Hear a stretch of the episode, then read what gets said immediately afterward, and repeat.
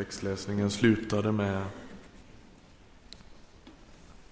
versen om den officer som står alldeles intill Jesu kors och det står när han stod vänd mot honom och såg honom ge upp andan på det sättet sa han den mannen måste ha varit Guds son.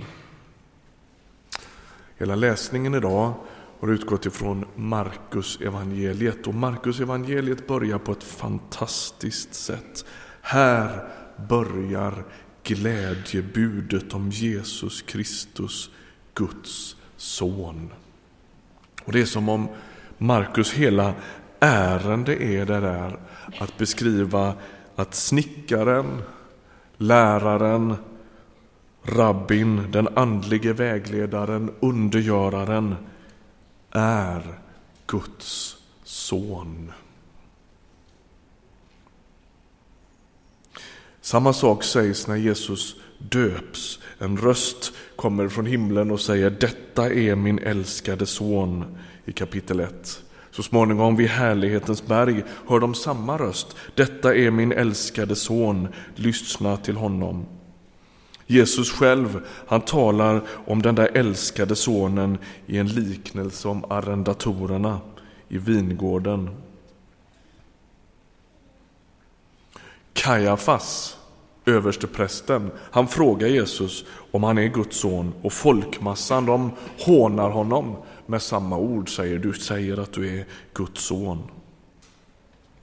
Men slutligen är det så här att det är inte en överstepräst, det är inte en skriftlärd, det är inte ens en lärjunge som säger orden.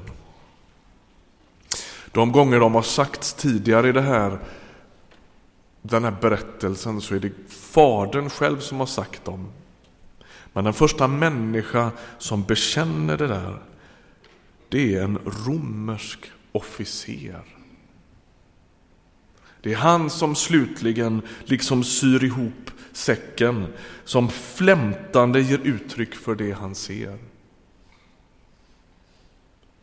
För uttryck för vem han ser. Han är en romersk officer, han är krigshärjad.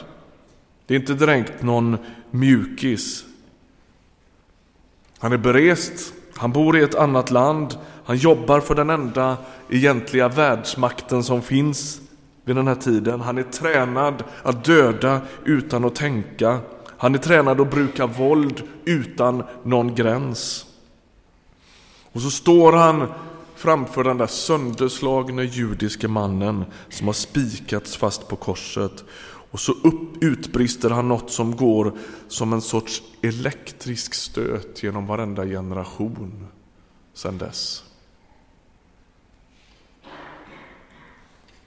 Det är som att Markus, som är historieberättaren här, försöker hjälpa oss att se. Genom den där sönderslagne rabbinen har riket kommit.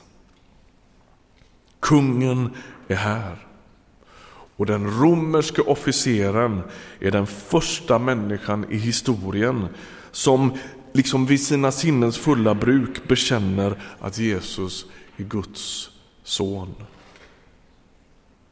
Det hände vid något tidigare tillfälle i någon av de andra evangelierna när en demonbesatt man, eller demonerna genom honom ropar att Jesus är Guds son. Men här sker det liksom som en sorts människans bekännelse. Det är ju en fullständigt osannolik kung, måste man ju säga. Och det är en alldeles osannolik första bekännare. Vad är det den här romerske officeren ser? Ja, på ett sätt ser han en avrättning som påminner om alla möjliga andra. Och på ett annat sätt är den helt annorlunda och helt unik. För den här romerska officeren är det inte ovanligt med korsfästelser. Han har Bergis stått vakt på ganska många sådana. Och samtidigt så är det någonting med det här som han aldrig förut har sett. Mannen i mitten. Han som har varit den som alla har talat om de senaste åren. Allt mer har man pratat om honom, allt intensivare. Allt mer beundrande, men också allt mer hatiskt. Mannen lämnar få människor oberörda. Somliga har låtit hans undervisning och hans ord fullständigt koda om deras liv. Andra har blivit helt maniskt besatta av tanken på att kritisera honom, misstänkliggöra honom och förgöra honom. Men alla som har rört sig i hans, eller de flesta som rör sig i hans närhet verkar berörda av honom på ett eller annat sätt. Hans undervisning har varit dramatiskt annorlunda. Han talar om att älska sina fiender. Han talar om att om någon slår dig, slå inte tillbaks utan låt honom slå lite till. Han säger att om du har bittra fiender så be för dem. Förlåt dem. Om någon tar dina saker så ge lite till. Det är som att den där Jesus som hänger där i mitten, han är den som har predikat den mest chockerande generositet och godhet som någon har hört. Och när han gör det, när han predikar det där i bergspredikan, så menar han att genom att leva så visar man sin omvärld hurdan Gud är. I slut, eller i, i, i, mitt i texten i, i Matteus kapitel 5 i bergspredikan så säger Jesus så här, på samma sätt ska ert ljus lysa för människorna så att de ser era goda gärningar och prisar er fader i himlen. Alltså han kopplar det, den chockerande godheten som han lockar lärjungarna att leva i till att när du gör det så kommer människor att få syn på vem Gud är.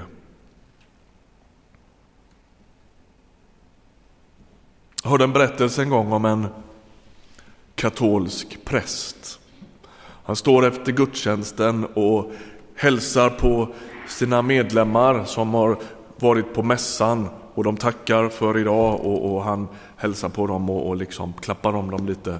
Plötsligt kommer det fram en kvinna med en bebis och så ställer hon till en scen inför hela församlingen som står där ute på kyrktrappan och säger hon det är ditt barn! Och så vräker hon den här bebisknytet i famnen på den katolske prästen. Det blir helt tyst och det blir helt förfärlig stämning. Och alla väntar på att den katolske prästen ska försvara sig, att han ska säga nej men så är det inte. Istället så tar han den där bebisen i famnen och så säger han ingenting. Och så tar han med den hem. Var det hans barn? Nej, det visade sig så småningom att det var inte det. Men det är som att han har smakat på den chockerande godheten. Han har levt i närkontakt med den konstige kungen som inte försvarar sig. Som inte rentvår sig själv till varje pris utan som bär smärtan. På korset händer en rad märkliga saker. Självfallet så är den här officeren tagen av allt yttre som händer. Förlåten i templet brister i tu, hörde vi i texten här. Det, det blir en solförmörkelse. Och ändå är det så att när Markus berättar den här historien så är det som att det är något annat som har fångat den romerske officeren. Det är något annat som avslöjar vem han är. Och Markus säger att det är det sätt på vilket han dör. Det är som om undervisningen om den där chockerande godheten här prövas till max. Här demonstrerar Jesus en sorts godhet som varken officeren eller världen har sett. Han visar hur Gud älskar. Han visar hur Gud tjänar. Han visar hur Gud dör. Smaka på det. Hur Gud dör. Och det är som att här prövas Jesu ord och lära. Den där predikan som han håller på berget, bland liljorna i solskenet. Där han talar om den radikala, generösa, chockerande godheten. Den prövas här, på ett annat berg, där solen slocknar och det är bara smärta. Och så är det som att samma predikan som Jesus säger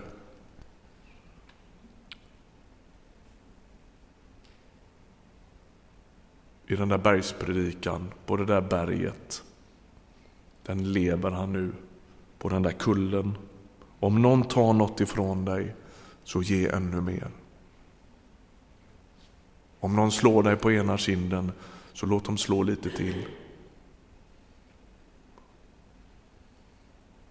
Och be för dina fiender och för dem som förföljer dig. Och vad är det Jesus gör? Han säger Fader, förlåt dem.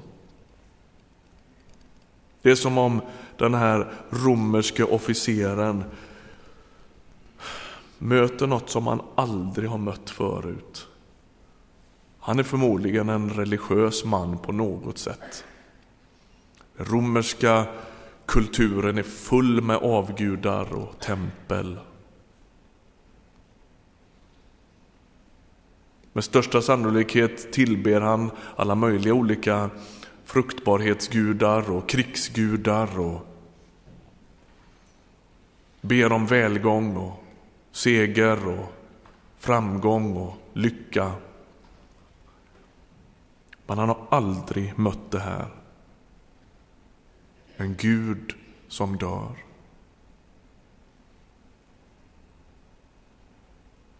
Där och då är det som att officeren ser vem Jesus är. Där och då händer det någonting med honom som inte har hänt tidigare. Vi vet ju inte när han, om han har sett eller mött Jesus förut. Men han har inte upptäckt det här vid tumultartade samlingar när Jesus har undervisat eller gjort något spektakulärt. Han har inte upptäckt det på palmsöndagen när Jesus rider in i Jerusalem under buller och bång. Men nu, när Jesus dör, då blir det liksom omöjligt för officeren att värja sig. Det är som om han är med om en hälsning från en annan värld. Och Markus som skriver det här många år senare, förmodligen till en romersk läsekrets, han verkar nästan försöka säga, men om den romerske officeren kunde se vem Jesus var, då kanske andra också kan det. Då kanske du kan det, romerske läsare. Eller då kanske du kan det, östgötske gudstjänstbesökare. Vad är det du ser? Vem är det du ser? Kanske det är så att du känner igen dig i den romerske officeren som är härjad av sina krig.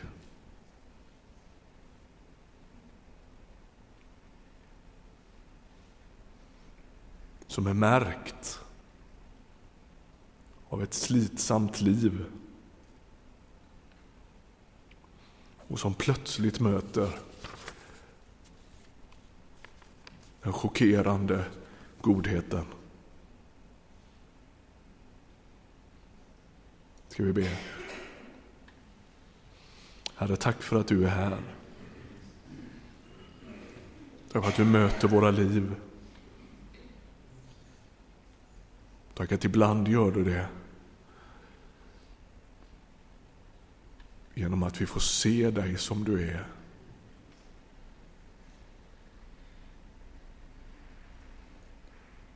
Vi ser på dig.